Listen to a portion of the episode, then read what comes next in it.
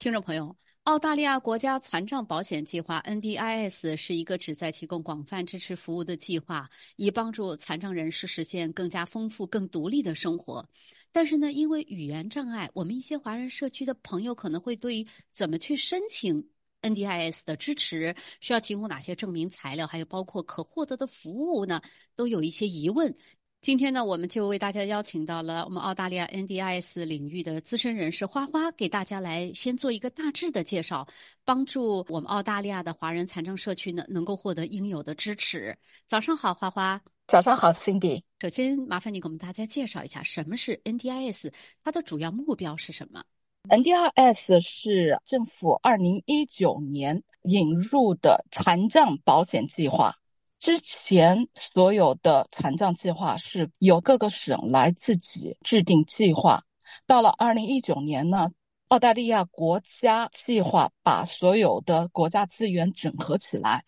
嗯，提供更优良的资金、更多的服务，为残障人士提供资金，以获得更多的与家人和朋友相处的时间，更大的独立性。获得更多的新技能、工作技能，然后让他们在社区中从事志愿者服务，以及提高他们的生活质量。NDS 还将所有的残障人士与社区的服务联系起来，包括了医生、社区团体、体育俱乐部、支持的团体，甚至图书馆和学校，以及提供有关所有州和领地的。支持信息全部加在一起，来为这些残障人士提供服务。嗯，没想到这么广泛。那怎么样来确定自己是不是有资格去申请 NDIS 的支持呢？现在在澳大利亚有三百四十万人是已经被确定为各种级别的或者部分残疾的人，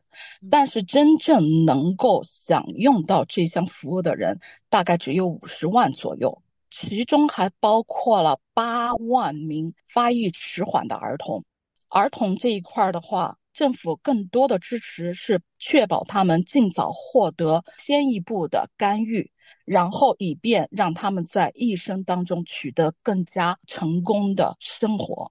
就才七分之一现在享受到 NDIS 给的支持。那如果要申请 NDIS 的支持，它的步骤是怎么样的？需要提供哪些文件和材料呢？这个的话是很多听众现在最困惑的地方。其实有七个方面，先要问一下自己是否符合。第一，你的年龄要介于九到六十五岁之间。这个九岁之前，政府更倾向于你的家长去作为你的照顾者，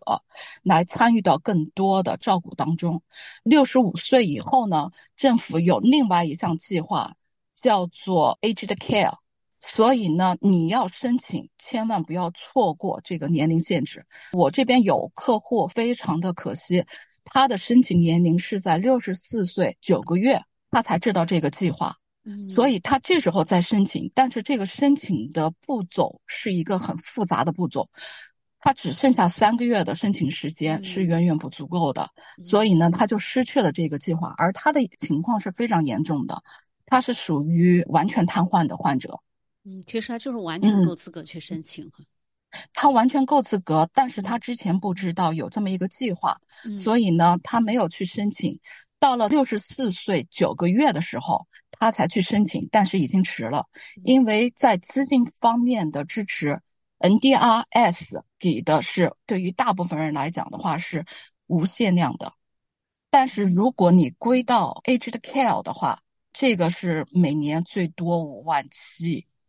就是大约六万的支持，这个等量级就少很多了。先确定自己的年龄，嗯，你是否是澳大利亚有资格申请的，是澳大利亚的 citizen 和永久居留的，还有你的这个残疾是否是永久性的损伤，你是否需要特殊的照顾，帮助你的正常的生活。还有，在未来你是否需要更多的一些帮助？还有，你是否自己有意愿去增加你自己的这些技能，来帮助你未来的生活？就这么七点。您前面也提到了，可以提供很多类型的不同类型的支持服务，尤其刚才您还提到了可以怎么样来帮助他们重新融入社会活动，可以给我们介绍一下吗？最简单的，以我的经验，他们更多的使用的是交通帮助。比如说，如果是用轮椅的一些客户的话，他们更需要的一些是特殊的那种车子，能帮他们装载他们的轮椅。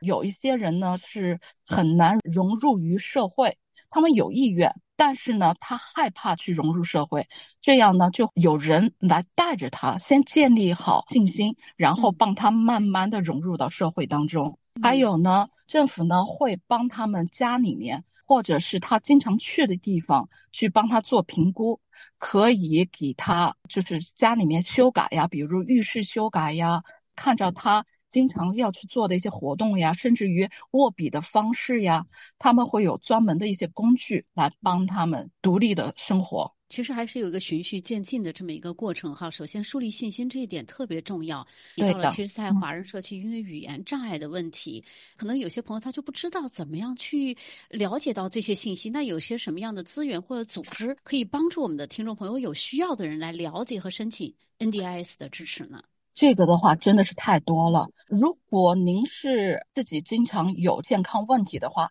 首先第一个能够找到的人就是你的家庭医生，你的 GP。大部分的 GP 都是有这方面的知识，他觉得你真的是很困难的话，他们会帮你介绍给专业的人士，由他们来帮你进行申请。嗯，还有呢，NDRS 这个计划里面，它专门设置了。地区的协调员，缩写是 LAC，是可以通过 GP 帮你找到的。然后你自己也可以找的。